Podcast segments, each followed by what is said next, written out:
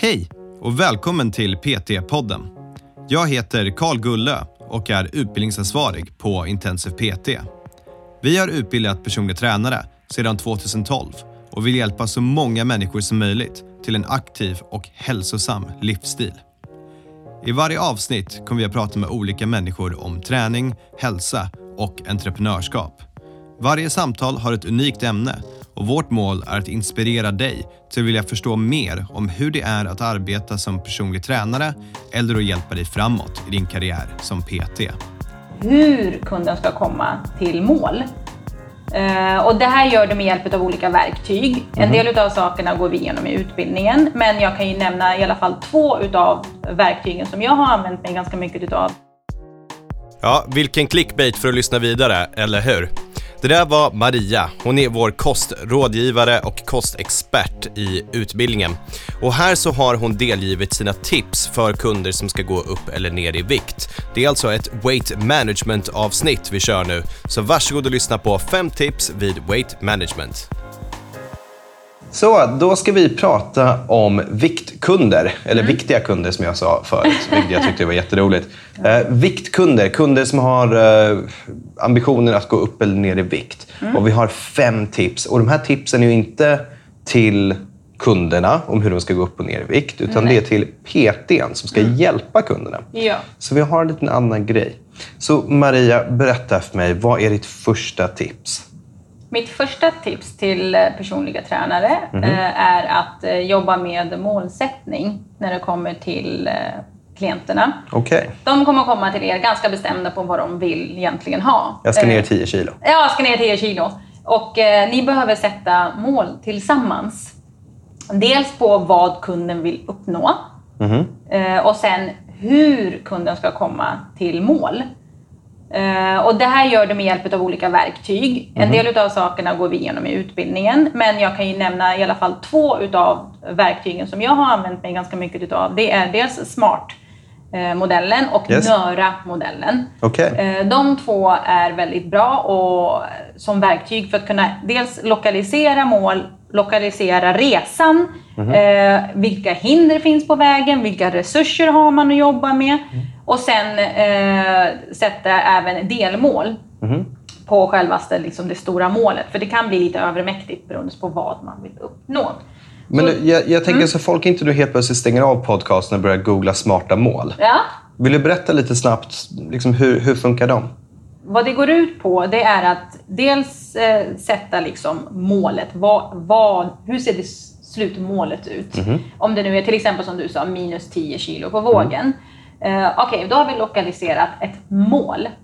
Och så, måste, så stannar många oftast där.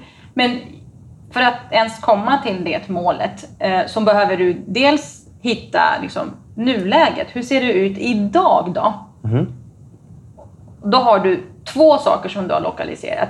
Nuläget och sen slutgilt, slutgiltiga målet som är Ja. det önskade läget. Ja. Eh, Men, och det kan de flesta göra. Många vet vart de är idag och vart de vill. Ja. Eh, Liksom vad målet är. Men däremellan då? Mm. Eh, För att ens komma till sitt mål så måste man ju ta handling Mm. på vissa saker. Eh, och det, de handlingarna, de liksom, den action plan sätter man till, oftast tillsammans med sin personliga tränare. Eh, men för att komma till mål och eh, göra alla de här sakerna så finns det ju en del hinder på vägen som man oftast inte tänker på.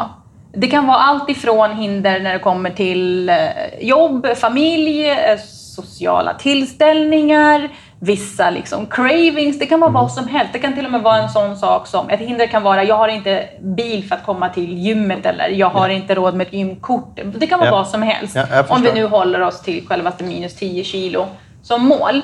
Eh, och då har vi lokaliserat även våra hinder. Men det räcker inte. Du, för att kunna komma förbi det här hindret så måste du kunna ha en hel del resurser.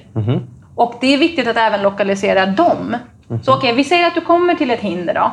Många stannar där och så ger de upp.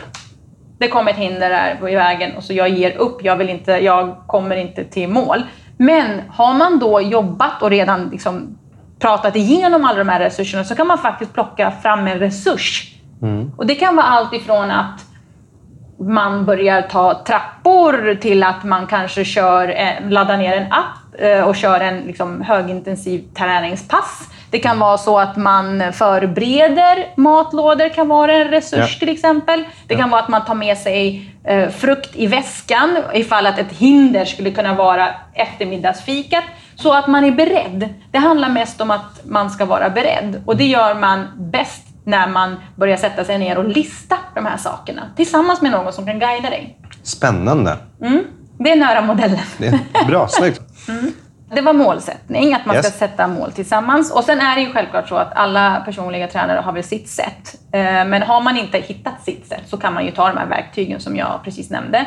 Men eh, nästa del är ju att eh, ha hälsoanalyser i beredskap. Att man har några som man liksom kör med klienterna. Det kan vara allt ifrån eh, kostanalyser till att mäta fettsammansättning. Eh, det kan vara måttband, det kan vara tanitavåg, det kan vara vad som helst. Men gör dem så att ni har olika, liksom, eh, att det, att det blir mätbart. Ni har siffror som ni kan följa upp på. Ja.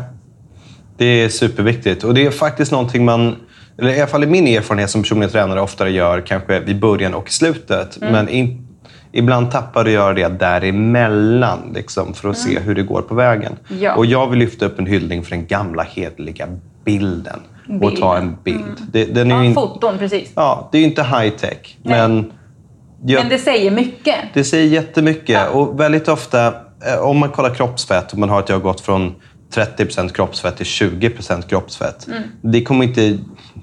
Jag kanske känner mig bra för att jag har klarat av det målet. Mm. Men ofta så glömmer ju folk på, om det nu är 20 veckor, hur de faktiskt kände eller såg ut för 20 veckor sedan. Exakt. Och de glömmer hur de... Och då om de får se en bild på hur det var för Mm. 10 veckor sedan jämfört med nu. Det är ju ganska stark impact. Det är Ja, varför det det, används i marknadsföring så ofta för såna här grejer. Ja, före och efterbilder är Precis. ju superviktiga. Det är därför det är också viktigt att lokalisera det här äh, nuläget. Hur ser Mm. det ut idag? Och vad är det som har gjort att man hamnat här? Mm. Eh, Och då är ju att ta bild innan man börjar sin resa väldigt viktigt. Men säg att du har missat att ta bilden då. Ja. Du har fortfarande en lång resa säkert. Ta bilden. bild i alla fall. Ta Eh, bilden ja. idag. För all progress is good progress. Och det kommer synas på ett eller annat sätt. Eh, Och inte enbart kilorna på vågen. Absolut. Det är därför ni ska ta olika hälsoanalyser så att man kan se eh, alltså, eh, framgången på olika sätt.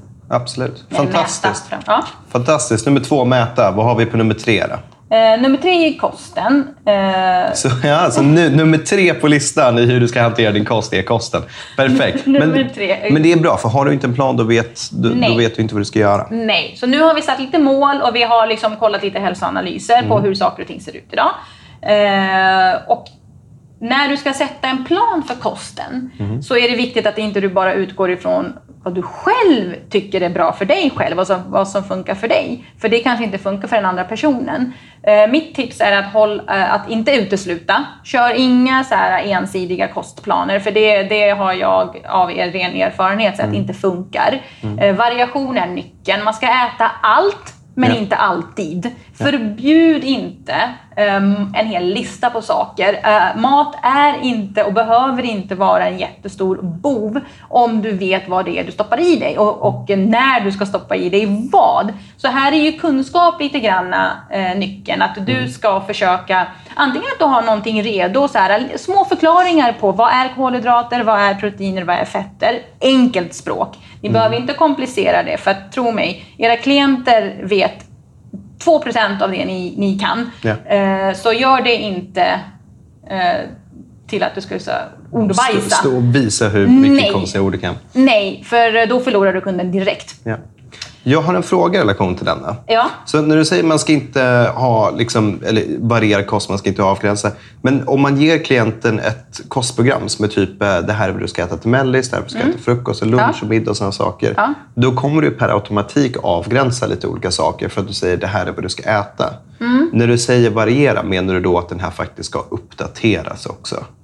Eh, Ja, allt eftersom. Men det jag menar med att man ska försöka variera kosten, det är också att du ska, självklart så ska du sätta ihop eh, måltider baserat på målet. Ja. livsstilen och eh, vad, alltså vad personen har tillgång till. Och är det till exempel så att personen har väldigt stillasittande alltså typ arbete Ja. då ser ju frukost och lunch lite annorlunda ut jämfört med en person som kanske rör på sig väldigt mycket. Då, då, då eh, jobbar man ganska olika med eh, till exempel kolhydratkällorna. Vi pratar mm. mättnad är viktigare då för en mm. stillasittande person jämfört med en person som rör sig väldigt mycket. Den kanske behöver snabb återhämtning för att kunna fortsätta träna. Mm. Så där är ju målet väldigt viktigt. Så ta hänsyn till målet när man som sätter ihop måltiderna. Ja. Och variation, varför jag pratar variation och inte uteslutande, det är för att du ska få i dig allt som kroppen behöver. Proteiner, kolhydrater, fetter, ja. vitaminer, mineraler, fibrer och antioxidanter. You need those things. Så, och det finns en del dieter som utesluter till exempel eh, kolhydrater eller mm. eh, minimerar väldigt mycket på fetter. Mm. Eh, vi har ett behov av alla våra makronutrienter. Och våra makronutrienter är ju kolhydrater, proteiner och fetter. De har en, de, en roll i kroppen. Mm. Eh, allt ifrån liksom att du ska kunna tänka ordentligt till att du ska kunna producera hormoner. Så det är väldigt viktigt att få i sig allt, tycker jag. Fantastiskt. Vad är nummer fyra? Eh, att eh, jobba med kaloriunderskott är ju någonting som man gör som personlig tränare. Eller om det handlar om viktuppgång eller muskelbygge så är det ett kaloriöverskott. Yeah. Att inte köra sådana extrema underskott och, överskott utan man håller det lite mindre. Eh, mm typ 350 till 500 kalorier plus eller minus ja. eh, är enklare att jobba med än när man tar större siffror. Absolut. Eh, för sprider du ut de här 500 kalorierna över liksom en hel dag så blir det inte så övermäktigt. Mm. Och sen vill jag också tillägga, att till exempel nu om, om vi tar kaloriunderskott, för det är den mm. vanligaste kunden. Mm. Eh, många tänker kaloriunderskott direkt att man ska ta minus 500 när det kommer till maten. Ja. Ett underskott kan faktiskt vara en kombination av både träning och mat. Och det har man sett mm. är det som har varit mest hållbart mm. och funkat bäst. Min, det blir mindre omställning på eh, maten. Absolut, så både ta hänsyn till träningen och din kosthållning helt enkelt för att ja. se till att du räknar ut och får rätt, rätt kaloriunderskott eller ja. överskott för den biten. Ja, Snyggt. Och eh, rör, alltså att träna gör faktiskt ganska stor skillnad på kaloriförbrukningen. Jag har själv testat alla som har hört mig föreläsa tidigare vet att jag älskar att testa saker själv först innan jag pratar om dem. Allt ifrån kosttillskott till dieter, you name mm. it. Eh, och jag har testat att eh, ligga på underskott på olika sätt. Yeah. Och eh, när jag skippar att träna Alltså jag är inte långt över mitt eh, BMR, måste mm. jag säga. Eh, och eh, då kan inte jag äta så mycket. Mm.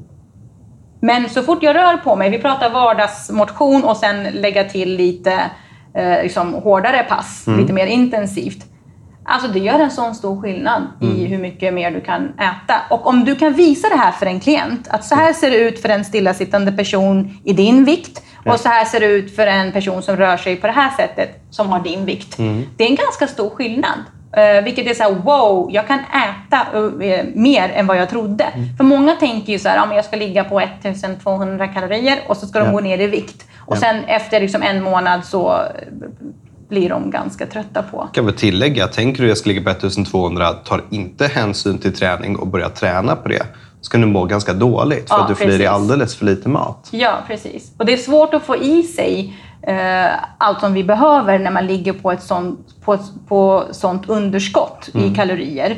Det är därför många såna här viktminsknings eh, när de kör så att man ska ligga under 1000 kalorier, mm. då rekommenderar de att man ska följa och äta liksom enligt deras plan, vilket är oftast måltidsersättningar. Mm. Och måltidsersättningar har man skapat faktiskt för att sätta ihop allt som man ja. behöver ja. så att inte du får näringsbrist. Ja. Så jag, säg, att du, säg att du lägger dig själv eller din klient på en väldigt liksom, låg matintag. Mm. Risken är stor att du kan få näringsbrist på sikt. Att du missar en del vitaminer, mineraler, eh, fetter, eh, fibrer mm. och så vidare. Mm. Och det är inte hälsosamt. Absolut. Och eh, ett till tips som jag vill återkoppla till och förklara för kunden skillnaden på att du kan nu äta 2000 eller 2500 om du tränar till exempel. Mm. Lägg inte upp det i form av kalorier, utan säg att du kan äta 2000 eller 2500. Utan ha två bilder som du visar för kunden där det ena är bild på allt du kan äta på en dag Aha. när du inte tränar och det andra är en bild på allt du kan äta en dag när du tränar. Precis. För då kan de se det i riktiga termer i, i någonting de kanske förstår mer Mm. än vad 2500 kalorier betyder. För att Ja. det kan ju vara lite diffust om man inte har hört det så mycket förut. Precis. Och att i de här bilderna som man sätter upp eh, på massa olika exempel, Massa god mat. eh, att man har liksom bra och god mat och vissa saker till och med, ja men oj, där låg det ju någon god sak till och med. Eller det är fredag, man äter lite popcorn och kanske eh, 50 gram chips, eller inte vet jag, liksom en näve. Ja. Det är okej. Du behöver inte hamna på ett överskott för det. Nej.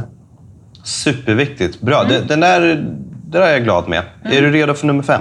Ja, Vad är tips nummer fem? uppföljning. Ah. Följ upp. Släpp inte klienten där. Eh, för du vill ju ändå att eh, det ska vara hållbara resultat. Mm. För att om, den här person, om dina klienter mår bra, får bra resultat, Mm. de kommer rekommendera dig också vidare. Eh, det Absolut. bygger ett förtroende. Släpp inte era klienter. Ja, och det här tror jag är superviktigt. Och där, jag tror många personliga tränare, både under tiden att de jobbar med klienten, ska de göra regelbundna uppföljningar eller liksom målsättningsmöten, även om vi hatar det ordet, för att se till hur det går för klienten. Ja. Men också om du har haft en klient som har slutat träna med dig av någon orsak. Mm. Om du hör av dig till dem och säger hej, hur går allting? Vill du komma in en halvtimme och göra en liten uppföljning på att se Ja. hur det känns? Ja.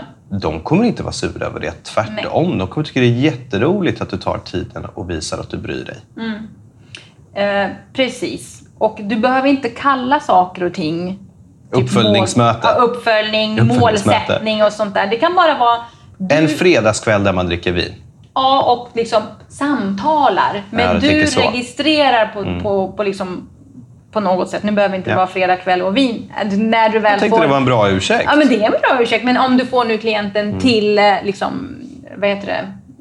Om det nu är gymmet eller vad det nu än är. eh, un- Under dygnet där du inte dricker vin. Precis. Ja. De där få timmarna. Ja, eh, om du övar tillräckligt mycket på, på liksom, frågorna som man ställer i till exempel en målsättning. Du behöver inte kalla det det. Ställ frågor. Du registrerar det eh, i, liksom, i dina anteckningar. Mm. Och då, eh, när ni väl liksom kommer fram till målet, då, då är det lättare för dig Mm. att sätta liksom ord på det. Ja. Och jag vet att många personliga tränare jobbar ju specifikt med kostrådgivning också. Alltså Ja. kostprogram enbart, där man inte har träning. Exempelvis online eller annat. Baka in det här i själva programmet då. Ja. Att när det är färdigt så ska det gå en månad. Kanske inte så mycket mer än det skulle jag säga. För då där mycket kan hända på en månad åt ett negativt håll och halka tillbaka in i dåliga vanor. Precis. Sälj in det som en del av programmet. Absolut. Och se till att ha en uppföljning med klienten. Precis. Och kanske inte döpa det till fredagsvin, någonting lite mer professionellt. Ja. Och kanske inte målsättningsmöte, utan ja, vi lämnar lite kreativ eh, plats här åt personer att komma på vad det ska heta. Ja, och du hittar ju till slut din egna liksom, roll i det hela ehm, som personlig tränare. Absolut. Ja.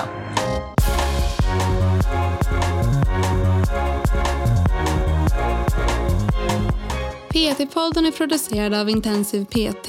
Om du vill veta mer om våra utbildningar och gå med i nätverket av framtidens personliga tränare, gå in på www.intensivpt.se. Vi har kursstarter varje månad och du kan studera helt i ditt egna tempo.